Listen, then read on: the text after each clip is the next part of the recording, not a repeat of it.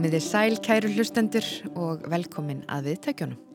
Ég heiti Gíja Holmgerstóttir og ætla að flytja ykkur sögur af landi. Í þættinum í dag heimsækjum við textil listamann sem að er með vinnustofu í Þorpinu á Akureyri.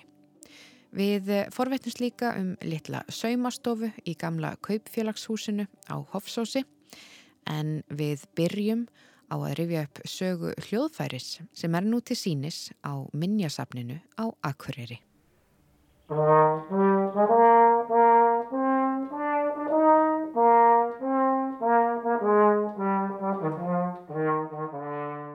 Þarna heyrum við spilað á horn sem fannst á samt ímsum öðrum munum frá fyrri tíð í kassa í geimslu tónelskrar fjölskyldu á Akureyri. Hortnið er nú til sínis á Minjasafninu á Akureyri þar sem stendur yfir síning sem ber einfallega heitið Tónlistar bærin Akureyri. Hort þetta var eh, í eigu Ólafs Tryggva Ólafssonar sem að er eitt þeirra sem kom að stopnun Lúðrasveitar Akureyrar sem stopnun var árið 1942 en hljóðfærið á sér þó mun lengri sögu en það. Á þessari síningu, tónlistabærin Akureyri, er farið yfir tónlistarlíf bæjarbúa vitt og breytt og hefur Norðursal Sapsens verið umtörnað í nokkurs konar félagsheimili eða dansstað þar sem hægt er að sjá og heyra um tónlistina í bænum og þar á meðal söguna á baku þetta horn sem hér hljómar. En það er barna, barna, barn Ólafs sem að leikur á hljóðfærið.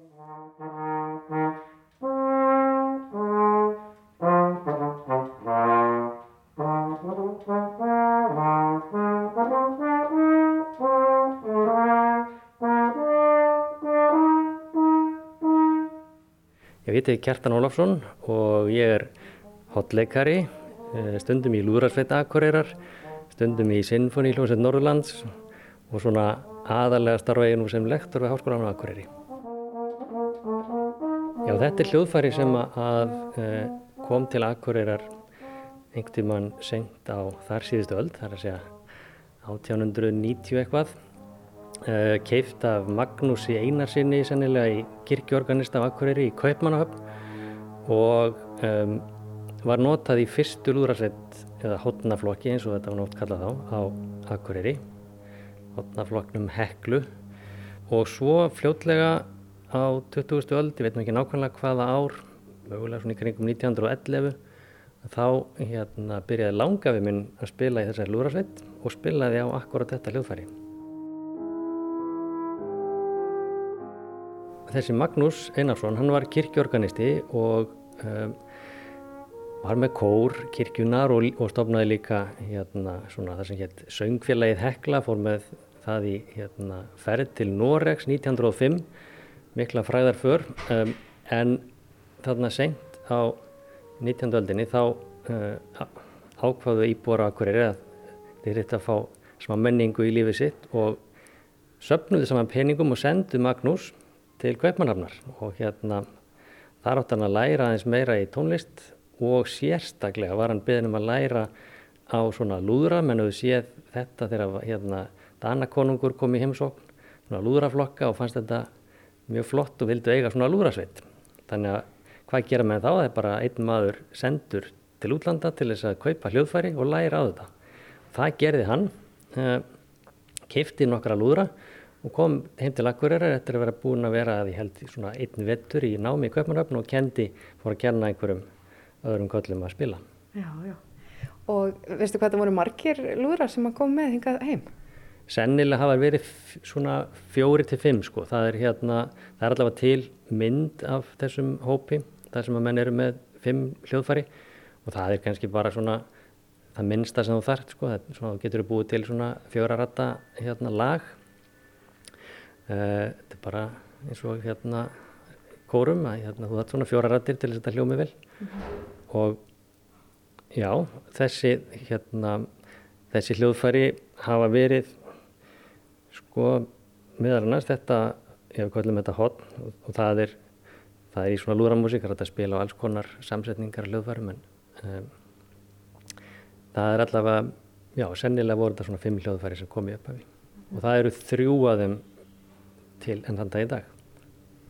Og þú hefur nú svona persónulega sögu að segja um þennan uh, þetta horn uh, þar sem þú, já, eiginlega uppgötaður það eftir mörg ár.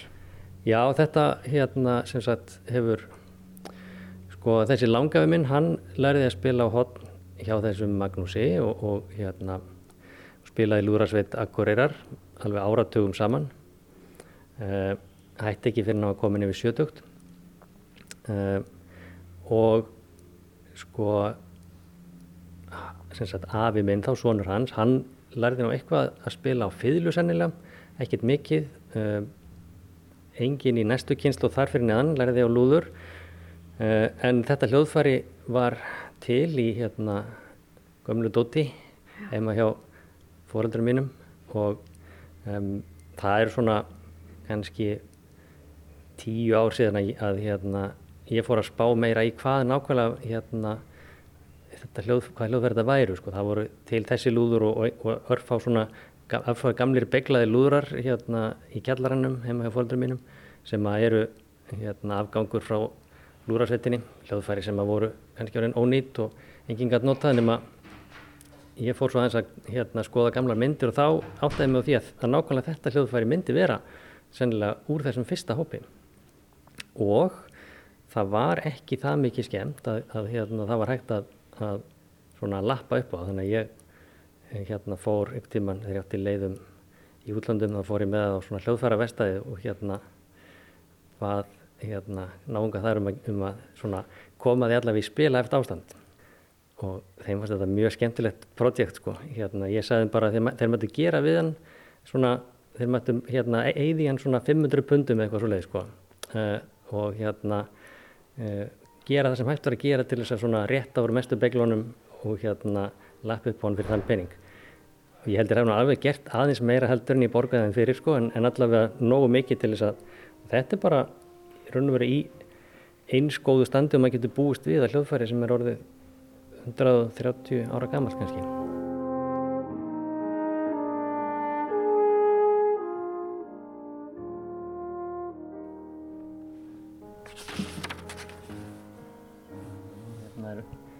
Þannig hérna getum við séð sko uh, fyrstu í raun og veru lúðurasveit á Akureyri þar sem að hérna Magnús Einarsson hann stendur með hérna svona prigg, stjórnendaprigg og svo hérna erum við komin hérna er mynd frá 1915 og þá getum við séð hérna langaða minn með hérna hotnið í höndunum.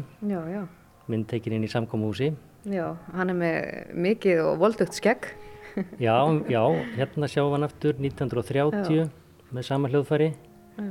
Sama hljóðfæri og þú heldur núna á. Já, mm -hmm. uh, ég ætti kannski að fá mér yfir skegg til að vera í stíl. og svo, já, í þessari, hérna er hann 1943. Uh, hann er fættur sko 1874 þannig að hérna er hann bara rétt að detta í sjötugt. Hann hefur spilað alla sína æfi? Já, hann spilaði alla, alla sína æfi. Uh, hann hefur verið allavega að byrja þarna 1915. Uh, þannig að svona 1900 eitthvað snemma hefur hann farið í hérna, þessa lúðrasveit, þennan lúðraflokk. Um, og hérna það er til svona já, svona, svona ljúfsár saga af því þegar að hérna, þeir lúrasveitamenn fengu hérna uh, erlendan kennara sá hétt uh, Vilhelm Lanski Otto var hotleikari kom og var á Akureyri eitt sumar að hérna kenna lúrasveitamennunum og hérna uh, og þessi langa minn hann held dagbók skrifaði nú ekki margt í dagbókina sína en nema svona veðulýsingar og ef eitthvað er svona mjög stórir atbyrður gerðust í hans lífi þá var þeirra getið í dagbókinni. Uh, eins og hann hérna hann færði í dagbókina sína þegar hérna sonur hans fórst með hérna Góðafossi í lokstriðsins og hann skrifaði líka dagbókina þegar að hérna uh, þeir kvöttu vinsinn Vilhelm Lanski Otto og hann sagði við söknum hans mikið það segir mikið að hann hafi skráð þetta. Já og kannski sko uh, auðvitað þó svo að Magnús hafi kannski lært undirstuðu aðtriðin í Kaupmann og öfn sko á halvum vetri eða hvað hann var hérna í lúraleistri þá auðvitað þegar kemur maður sem hefur mentað sér í þessu og fer að segja þeim til sko það eru til sögur frá fleiri heldur en honum þar sem að það bara opnast verið nýr heimur sko um hvað er hægt að gera sko. Þegar atvinnumenn mæta á svæðið? Þegar atvinnumenn mæta á svæðið, já og hérna um, en þetta er nú sko það er svolítið skemmtilegt við, við tónlistarikkurina sko að það er kannski sko mörgin á milli atvinnumennsku og áhugamennsku þau getur stundum verið svolítið svona, svona ólí, óskýr sko hérna uh, og ég íhugaði það aldrei nokkuð tíman sko að gera þetta að hérna æfistarfi að spila á, á lúður. Uh, en ég hef samt alltaf spilað á lúður og ég hef rosalega gaman að því. Og ég spila næstum því á hverja minnsta degi. Þetta er svona er bara eins og þá sem að hérna æfa íþróttir sko. Ef ég fæ ekki að blása pínliti þá er ég alveg ómögulegur maður sko. Sko það er ekki hægt að hugsa um eitthvað annað meðan maður er að spila. Það þýðir ekkit að vera hérna velta fyrir sér svona áhyggjum hverstagsins hérna meðan maður er að blása því að hérna einhvern veginn einbettinginum verður bara að fara í þetta. Uh, þannig að það er, það er til sögur af fólki sem getur hérna verið að lesa blöðinu eitthvað með það að spila eitthvað en ég get það ekki sem betur fyrir en ég verð bara að hugsa um, um þetta þannig að þetta er mjög svona mikil kvild frá amsteri dagsins þegar maður tekur upp hérna lúðurinn kannski að kvöldi til, ég veit ekki hvað fjölskyldan hún hefur nú afbúrið þetta alltaf en, en þegar maður tekur upp lúðurinn og blæsa nokkra nótu þá svona mingar hérna stresslevelið alveg um nokkur decibil sko. Og nágrannarnir, eru þeir sattir? Nágrannarnir, já, ég hérna Ég bjóð nú lengi í raðhúsi og hérna spurði nágrannar minn ekkert tíma hérna hvort þetta væri svona ekkert, aðmi af þessu þegar ég var að blása og hann sagði en já, þetta er svo sem allt í lægi þú væri ekki alltaf að spila sama lægi og það var þá hérna uppbytunaræfingin sem ég tók svona í byrjun alltaf.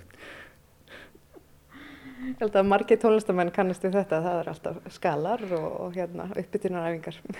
Skalar og uppbytunaræfingar, já og, og og mann finnst þetta mjög leðinlegt þegar maður er krakki sko en svo þegar maður er eldri þá hérna, verður þetta bara svona þægileg svona jókaæfing að trutta sér gegnum skalana sína og mann liður miklu betur á þetta. Ég held að, ég held að annar sko, já annar afi minn, hann átti ágættist kommenta á þetta, hann hérna hefur sungið í kórum áratugum saman og hérna og stóð fyrir því að svona fleirum að samin að tvo kallakóra og eitthvað maður spurði hvort það ekki verið mikið vesen og hérna hittar tilfinningar.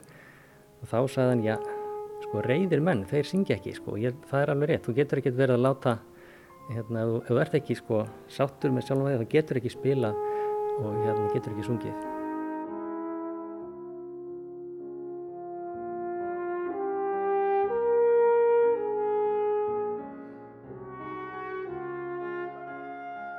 Sko þetta er ekki alveg eins og það sem ég spila venjulega á, það er hérna til dæmis venjulega að nota ef maður vinstri hendina til að spila á hljóðfæri eins og ég er með og maður þarf að nota hægri hendina á þetta, maður aðeins að hérna skipta um þangagang. Um, en jú, það er, hérna, það er vel að spila á þetta og ef maður myndi æfa sig svolítið þá myndi maður alveg geta náð hérna fallið um tónu úr þessu. Mm -hmm. uh, voru það örlögin að þú myndi læra á, á, á svona blasturs hljóðfæri eins og langafiðin? Já, það má segja, já, mögulega sko. Ég held nú að ástæðan fyrir því að, að ég vildi læra á lúður í fyrst, já sko í fyrsta lagi hérna var sennilega aldrei auðveldara eða ódýrara að læra á hljóðfæri í tónlistarskólum í Íslandi heldur en á nýjunda áratögnum þegar ég var patti og 1981 cirka held ég hafi verið haldið landsmátt skólalúðrasveit á Akvarýri og ég man eftir að fara þá fannst þetta ansi hérna svalt sem að krakkarnir voru að gera. Uh, og sko já það var svona hérna það er svona smá saga um, um tónlistuna í fjölskyldunni sko.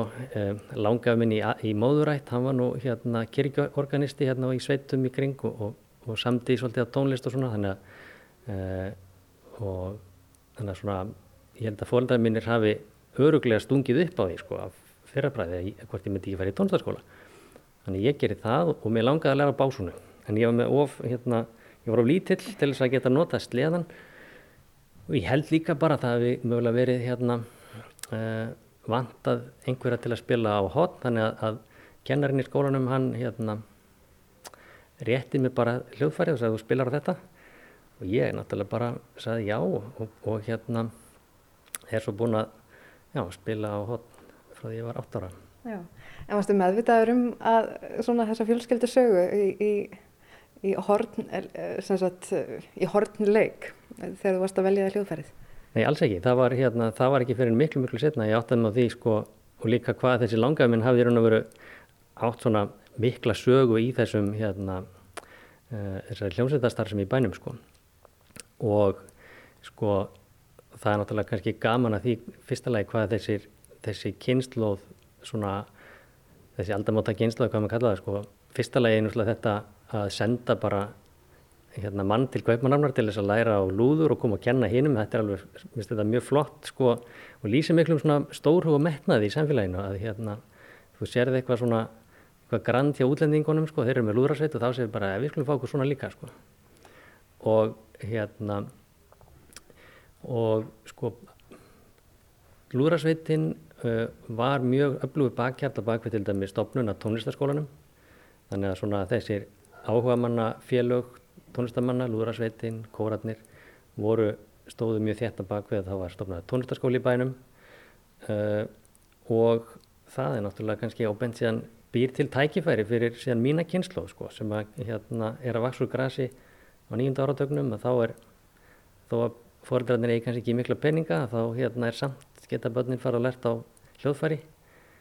Og þetta hefur gefið mjög mikið í lífinu að gera þetta. Eh, þannig að sko það er já ég held að uh, þetta er svona það, og það er gaman sko þegar maður séðan verður svona eldri að, að átta sig á hvað hérna sagan nær langt eftir í tíman og ég bara, sko, jú ég vissi nú svona þegar ég var unglingur sko að hérna þessi langaði minn hefði spilað í Lúrasveit en það var ekkert sem maður var að pæla í þá, ekki fyrir maður að vera eins eldri þá hérna svona fer maður að meira gaman að gurgla í sögubókum og um, skoða gamlar myndir og pæla í hvað eitthvað gamalt rast í kjallarinn og hvaðan það er komið. En eins og margir af þessum upphafsmönnum í tónlist og bara listum á þessum tíma, eh, þarna, í, þarna um aldamótin, þau, þau störfuðu við allt annað en, en sko listir og hvað starfaði langafi þinn við? Erðu, hann var, uh, hann vann á skrifstofu kaufélagsins, kannski svona stereotypist á Akureyri, hérna vinnaði kaufélaginu. Uh, en já, hann vann, í kaufélaginu og líka þessi hinn langafi minn sem að hétt Jóhann Ólafur, hann vann líka í kaufélaginu og samti, hann samti tónlist í frístundum og, og spilaði á orgel í kirkjónum í sveitunum í kring og, og þessi Ólafur Tryggvi, hann hérna, spilaði á lúður í frítímanum sínum og þetta, á þessu byggist náttúrulega mjög mikið af, af þessari menningu sem við hérna, sjáum í dag. Það er hérna, uh, við stundum kannski förðum okkur á því af hverju Íslandingar ná góðum árangri í, í tónlist og eins og kannski sérst á svona hérna, fólki sem að nær uh, aðtikli á alþjóða vettvangi en það er bara þannig að þú gefur mörgum tækifæri að þá finnur hérna innan um svona blóm sem að blómstra í eitthvað mjög fallegt sko. Og það er kannski það sem er skemmtilegt í okkar samfélagi. Við erum að gefa miklu miklu stærra hópi tækifæri til dæmis til að læra tónlist heldur en gerist við ælendis og það kannski einhver leiti getur við þakka þessum hérna, eldmóði hjá þessum, þessum bröðriðendum og þeirra svona draum sín um að, um að hafa eitthvað fallegt í lífinu sínu, annað heldur en bröðstreitið. Takk fyrir að rifja þessa sögu upp og, og segja okkur frá þessu hljófari, Hortni Langafaðins. Takk fyrir þetta. Takk fyrir.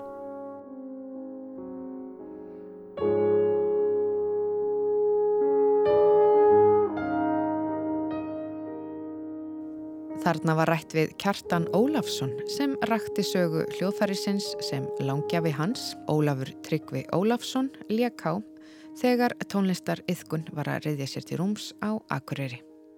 En frá tónlistarlífinu fyrir norðan færum við okkur yfir í gamla kaupfélagshúsið á Hofsósi.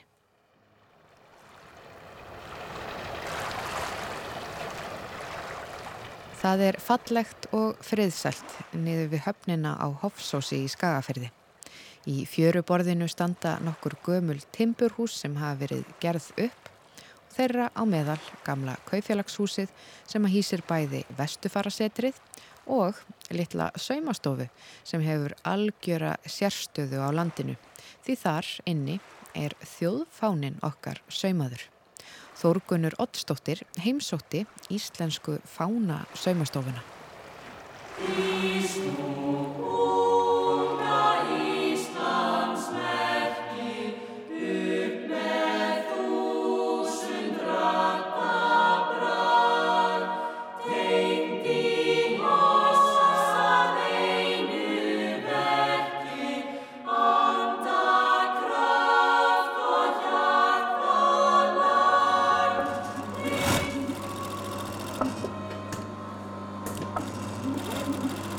eru fánar sem liggja hér sem eru tilbúinir í, í hausun sem við kallum. Ég heiti Valgir Þorvaldsson og uh, ég er annar, annar af framkvæmtastjórum Íslensku fánasömbastofunar. Við hjónin erum alltaf veitum þessu fórstuðu og, og sjáum til þess að Íslandingar geti fengið fánan sinn Já. í réttum litum og lutvöldum. Íslenska fánasaumastofan, já, hvers konar fyrirtæki er þetta? Þetta er fyrirtæki sem bara framleiður íslenska fánan og e, passar upp á að, að það sé samkvæmt straugustu skiliðum og, og reglu, reglum og eins og sé bæði hlutvöldin og litinir eru, eru lög, það er lögbundið og mikið mála standa rétt að því. Nú, eh, við náttúrulega gerum líka við uh, íslenska fánan og auk þess sem við sögum náttúrulega mikið uh, bæðið þjóðfánana og, og síðan fyrir sérst, ríkisfánana og fána fyrir fórsetaðinbæntið uh, með skjaldamerkinu. Þetta er svona okkar stóra hlutverk. En eru þá já, allir löglegir íslenskir fánar saumaðir hér á Hofsósi? Allir fánar sem eru saumaðir á Íslandi koma hérðan. Það er hins vegar eitthvað um innflutning sem við eigum værið með að skilja á þessum síðustu verstu. Já. Og hérna, eins og einhver sagði, það getur ekki verið að við séum stolt af því að draga upp tælenskan, íslenskan fána.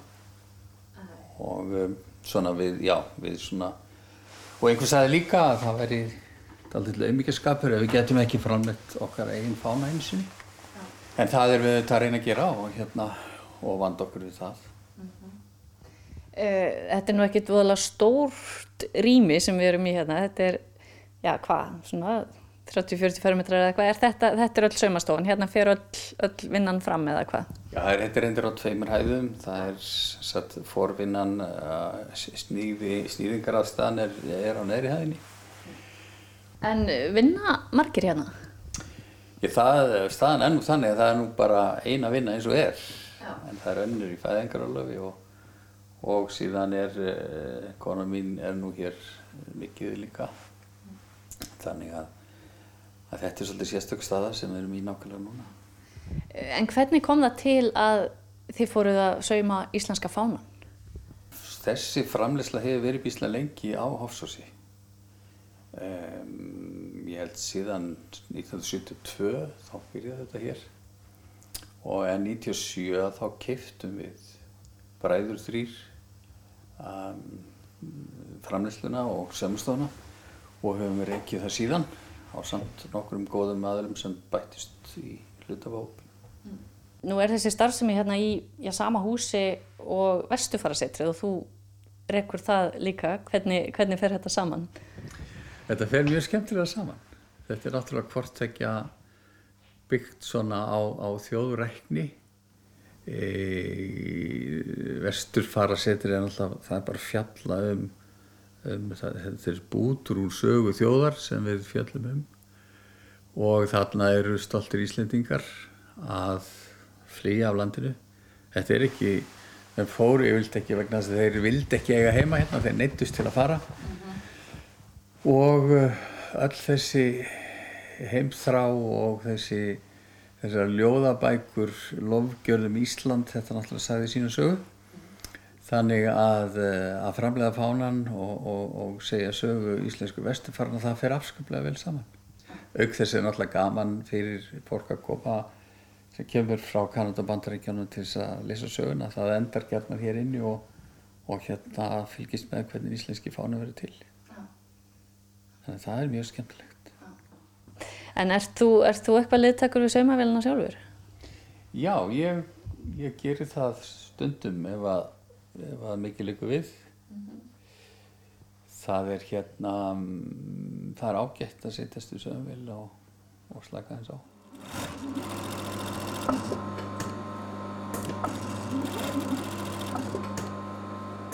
Þetta, þetta hlýtur að vera, það eru náttúrulega mjög, já það eru ströng fána lög og þetta hlýtur alltaf að vera eftir, já, kunstarinnar reglum.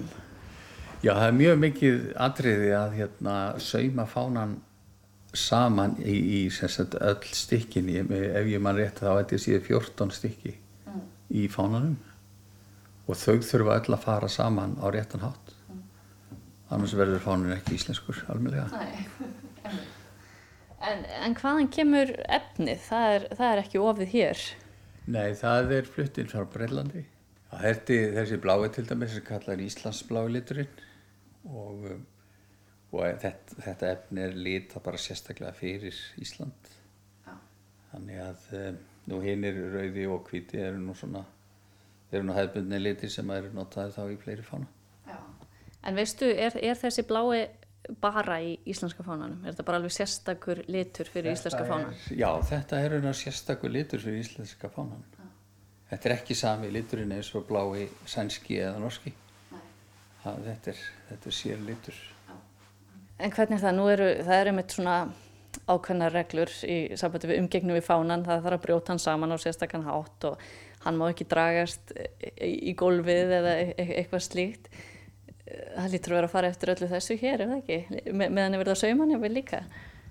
Jó, sko, hann alltaf um leið og fánin er tilbúinn að þá er hann orðin fáni Já. og þá þarf að meðhandla náttúrulega sem slíkan og ég man þegar við framleitum einn það var reyndar ekki þessu rými hér sem var sko reysastór það var 70 fermetrar og það var að fá hans sem marga til að fara með hann út á bílaplan til að brjóta hann saman því að það var náttúrulega ekki hægt að leggja hann á jörðina sko. þannig að þetta var fáni sem fór á vetrarólupíuleikana í Salt Lake City Já. og afskaplega skemmtilegt að, að búa hann til Finnst þér Íslendingar nú duglegir við að flagga? Nú er ég kannski ekki alveg hlutlaus, þannig að nei, mér finnst það reyndar ekki og hérna, þetta getum við notað fánan í miklu fleiri tilfellum en við gerum. Og, um, en ég held sko að það er einhvern veginn eins og fólk sé pínir rætt við fánan. Sko að þessi ströngu, þessar ströngu reglur, þær eru auðvitað ágættar, ég minna e, það þarf að, að sína fánanu virðingu. En þetta má náttúrulega ekki fara út í það að fólk þór ekki snertan þessi svo hrætt við að gera einhver mistök. Og við höfum svo sem fengið ringingar þar sem fólk spyr hvað á ég að gera? Fánin dróst aðeins onni jörð sko. Og auðvitað er það ekkert þannig að fánin sé ónýtur eða, eða eitthvað slíkt en heldur þetta bara verið að reyna að passa upp á það að, að við förum vel með hann og sínum honum virðingu. Nú, fólk hefur líka haft samband sem að þorður ekki að flagga af því að kann ekki að binda fánanútin mm. þetta er náttúrulega ekki svona há alvarlegt en hérna en eins og ég segi það er mikilvægt að hugsa vel um mann og sína hann um virðingu en þetta má ekki fara út í einhverja vittlisu En maður tekur svona eftir í til dæmis bara þegar maður ferðast um já bara Norðurlöndin að e, nágrannar okkar verðast vera aðeins duglegar en við við að, við að flagga og maður sér við að fána við hún þó það sé ekkert ekkert sérstakt um að vera. Vi, við kannski flöggum meira svona til hátíðabriða. Við gerum það, daldið já. Sko, Danir eru náttúrulega sérlega frjálslindir með silfána og nota hann í allt og hérna, það má nú kannski aðeins milli vera en svo er líka óaðleðilegt að sjá auðvitað fána sem að eru hafður upp í allan sólarhengin og allt árið og eru að lokum orðnir bara einhverja tæjur það fer alltaf svolítið fyrir brjóstuða mér þegar ég sé það það sjáum við náttúrulega ekki á Íslandi en um, það er svona það er mjög mikilvægt að, að fólk byrja við ykkur fyrir fánanum Og gerir þið það hér á öllum, öllum stigum? Er þið mjög meðvitið um það þegar þið setjast við saumavilina að þið séuð að sauma íslenska fánan en ekki bara eitthvað sanguvera-sett eða bortúk? Já, svo sannlega. Við, við finnum mjög fyrir því og, og, og sjálfur sér þá lítið við að þess að mikinn heiður að fá að, að sauma fánan. Um, og það er ég held að sé alveg sama hver gefur að því að, að það fær enginn sig til að fúska við gerð íslenska fánans það, það tekið mér alveglega Nú stýttist í sumarið er, er þetta há annað tími er, er kaupir fólk fána á vorin? Já, fólk, fólk gerir það gert 17. júni er náttúrulega alltaf svona ákveðin um, uh, aflagspunktur í kringum 17. júni En við finnum reynda núna aldrei fyrir því að í þessu ástandi sem að Ísland, við eða þjó, þjóðir heims eru og Íslendingar, eh, við finnst að þeir séu aldrei stoltir að því að við Íslendingar kannski að því okkur hefur gengið vel í gegnum þessa greppu og krísu og um, við fáum aðdáinn annar þjóða fyrir hvernig við höfum staðið okkur og þannig að það kannski duða til þess að fólk er stolt að því að vera Íslendingar og, og vilja þá flagga og vera, uh, vera, vera með fánan sín. Ég ætla ekki að tefja þið lengur. Takk kærlega fyrir spjallið. Takk sem leiðis, gaman að fá okkur.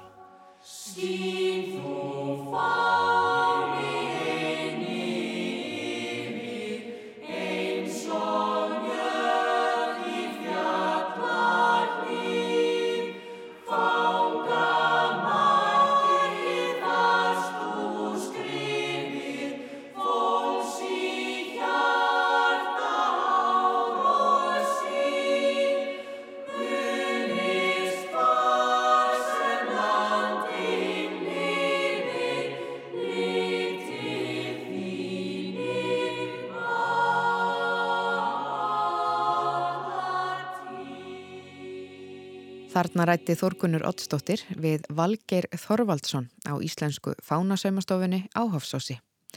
Og lægið sem hljómaði var eh, lægið Rýstu unga Íslands merki.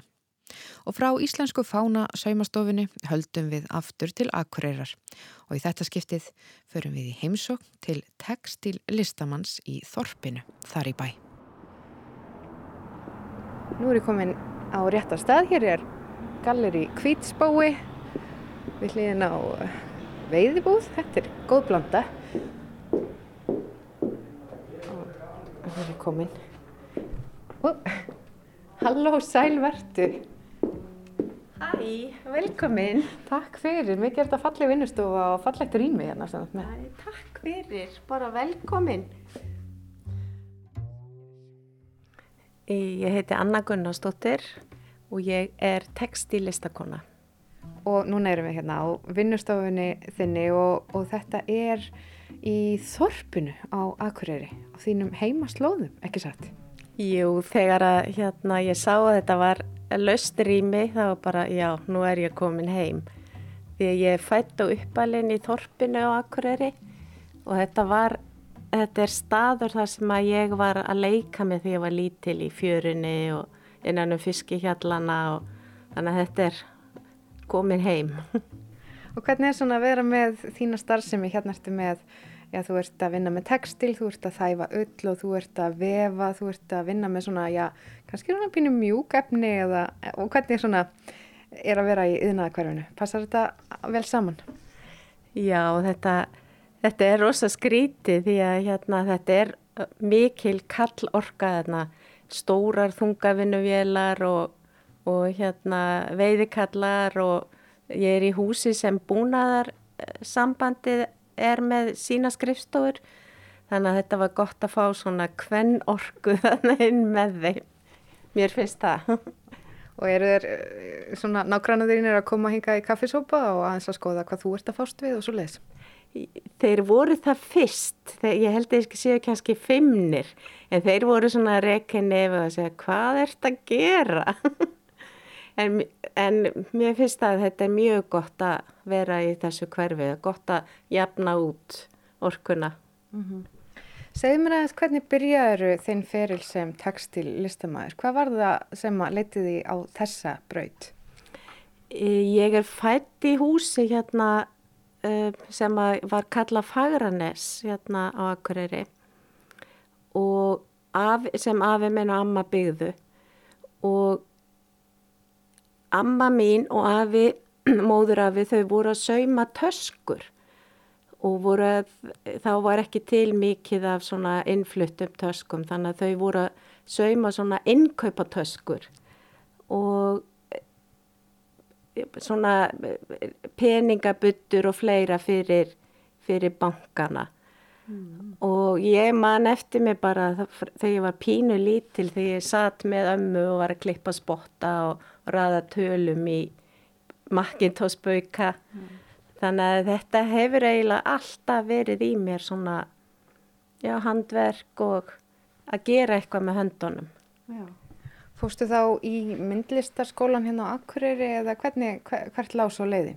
Sko ég fór, byrjaði að fyrsta og ég fór í sjúkralæðaskólan. Ég er sjúkralæð og vann upp á sjúkrahús í nokkur ár. En ég, einstinni þá langaði mig alltaf í myndlistarskólan en það, það, var, það gekk ekki upp, það hérna, var ekki tækifæri til þess.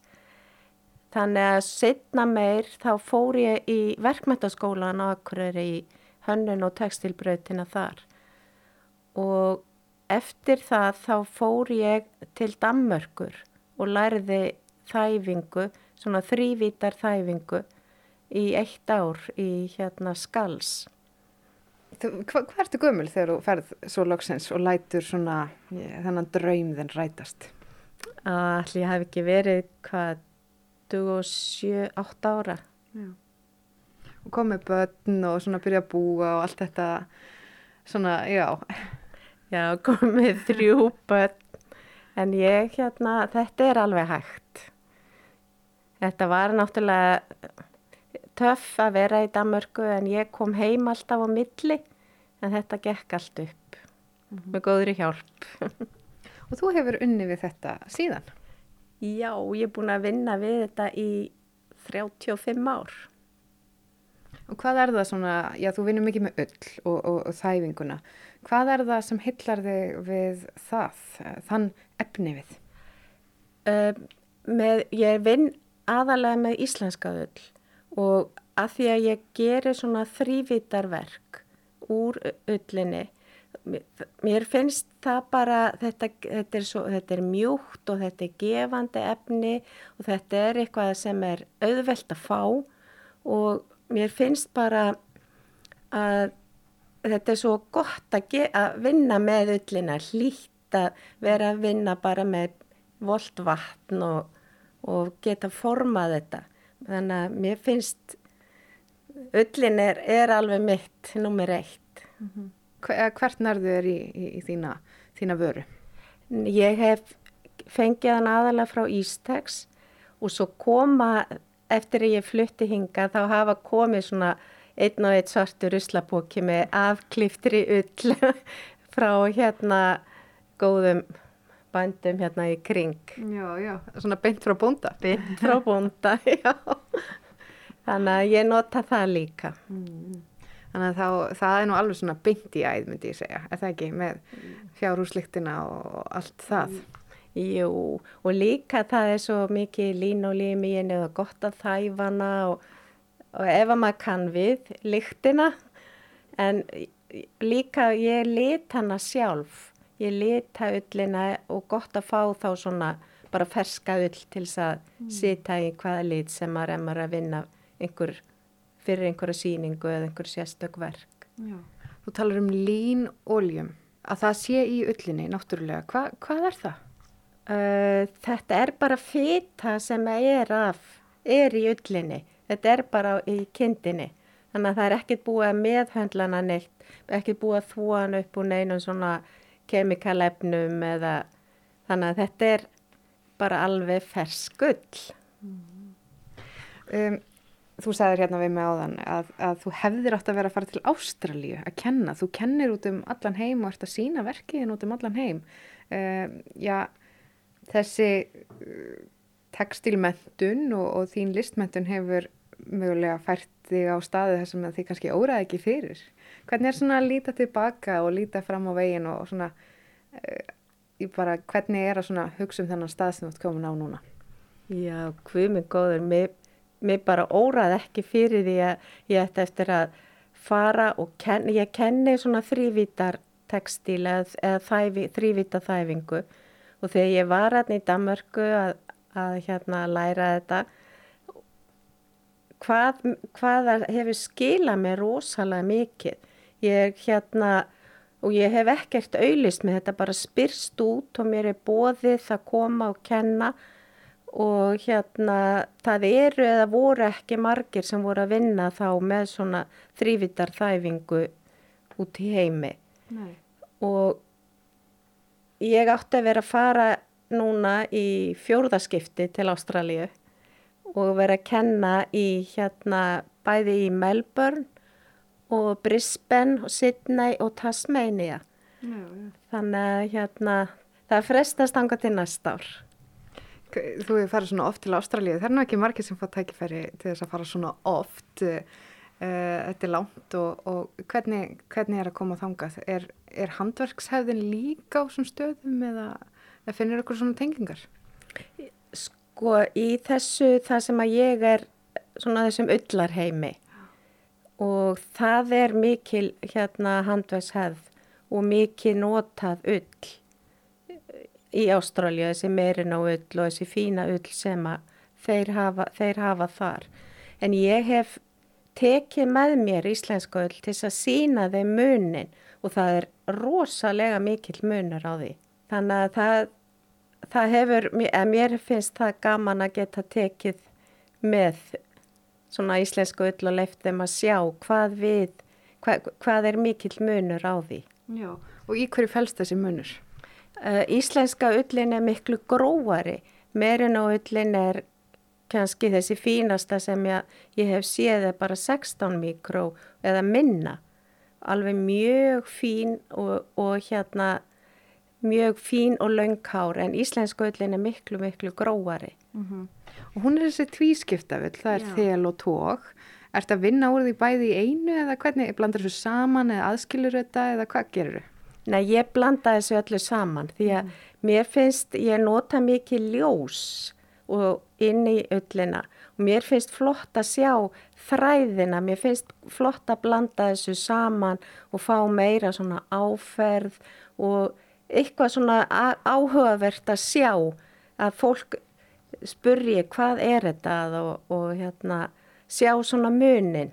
Mm -hmm ég voru mikið að velta fyrir mér þetta með, þessu með íslensku öllin átt að þú gerir þessa þrývítar skulptúra er íslenska öllin kannski hendug út af hún er þetta gróf í að búa til svona já, þetta, þessa skulptúra sem eru í þrývít úr öllinni Já, það finnst mér algjörlega bara þetta er það besta efni sem hægt er að fá til að gera svona þrývítarverk og að vinna með svona ljós og skugga því að það er svo flott áferðin á henni mm. eins og þegar þær voru með sína ástralsku fínu meirinn og all hún held ekki forminu Nei, af því hún var svo mjúk og það vantaði það vantaði svona það vantaði eitthvað í það til þess að til þess að hérna, fá þessa áferð en ég let þær blanda sama við hörþráðum eða mm.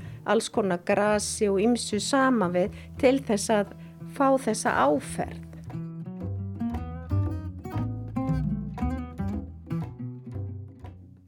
Eins og áður sagði er vinnustofa önnu staðsett í Þorpinu á Akureyri í yðnaðar hverfinu.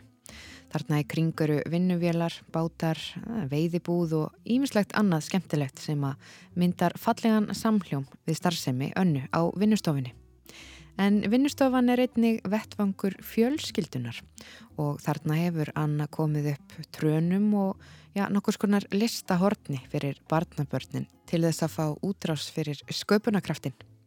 Og þegar tal okkar berst að fjölskyldunni þá kemur upp út úrnum að saga fjölskyldunar er samofinn tilviljunum og örlögum sem að binda saman tvo ólíka menningar heima. Við skulum heyra önnu segja þá sögu. Hann er frá Índlandi maðurinn, hvernig, hvernig kynist þið? Uh, hann lærði, hann er læknir, svæðingarlæknir og hann heiti Gýris, herrileikar og lærði á Índlandi og þegar hann var búinn þá langaði hann til bandaríkjana og eins og flestir indverja fóruð þá að fara. Yeah. En frendi hans er ræðismadur eða var ræðismadur fyrir Íslandi í Bombay sem hétt þá Bombay og hans maður með skrifaði bref til Íslands um að fá að koma og vinna hérna kannski í þrjá mánuði á leiðinni til bandaríkjana. Mm. Ísland var svona stopp-over og hann fær svar og það vantar svæfingarleiknir á Akureyri og hann kemur 27. desember beint frá Indlandi til Akureyrar í storm í hérna sumarskónu sínum og hérna fer að vinna á sjúkrásun Akureyri og þetta var fyrir 42 árun síðan. En á sama tíma þá er ég að klára hérna sjúkralegaskólan í Reykjavík. Mm. og mér vantaði hérna ég ætlaði að halda ánfram og læra. Og en vantaði pening þannig að ég fór til Akureyri til þess að vinna því það vantaði svo mikið sjúkralega þar. Það var ringt í mig frá Akureyri. Mm. og ég ætlaði að vera þá bara fram yfir sumari fram á næsta haust En ég fór aldrei syður aftur. Ég ætlaði að fara í ljósmáraskólan og læra meira. Já. En ég bara, það snýrist við hittumst þar og erum búin að vera saman síðan. Kynnist þið semst á spítalan? Já, ég hérna var fyrst að vinna á fæðingadeildina því að mér fannst, ef það var gott að fá svona meiri reynslu. Já. En svo hérna var einn einn hérna sem að var að vinna á skurstofunni, hún þurfti að fara í veikenda frí þannig að það vantaði einhvern niður á skurstofuna. Þannig að ég var sendt þangað og ég, þetta er allt svo fyrðilegt þannig að við kynnumstum þar. Já. Þetta er rosalegur örlaga vefur og svo mikið af tilviljónum einhvern veginn í þessu og hann ætlaði að vera bara hérna í þrjá mánuði.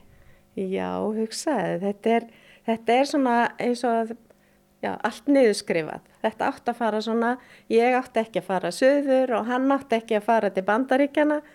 Þannig að hérna, þetta er allt mjög skrítið því einhver tíma var ég að setja í sinni og að fóra að hugsa um þetta, vá hvað þetta er fyrðulegt. Og mín sérst, ósk þegar ég var ung, þá, all, þá ætlaði ég að fara í myndlistaskólan. Já. Ég ætlaði að fara söður í myndlist og Ég var mikið að tekna og, og mála þegar ég var lítil. Ég ætlaði ekkert að fara í helbriðskeiran. Þannig að svo fór ég í það eftir þegar, var, þegar við vorum semst, búin að kynnast og, og fór á efri, eða þegar ég var aðeins eldri, þá fór ég í mína myndlist. Já, já. En farið þið oft til Indlands? Já, við fórum núna í nógumber síðastlegin. Þannig að við reynum að, því miður ekki nógu oft en, en við förum. Ég held, þegar ég fór að hugsa um þetta, það held ég að við höfum síðan fætt í vittlesu landi því að hann þólir ekki sól og hita og hérna hann vil bara myrkur og kulda og snjó. Þetta er algjörlega öfugt það sem ég vil. Ég vil fá sólina og ég vil vera í miklum hita þannig að Ég held að við hefum bara öruglega fætt í vittlusu landi. Hann átt að fæðast hér og ég úti.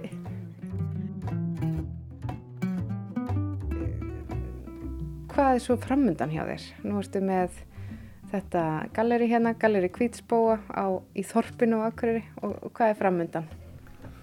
Heyrðu, ég er að fara að sína í Svíþjóð með, með hérna myndlistamönnum frá Akureyri. Við ætlum að sína núna í september og vonandi komust við þangað en allavega að fara verkin út Já.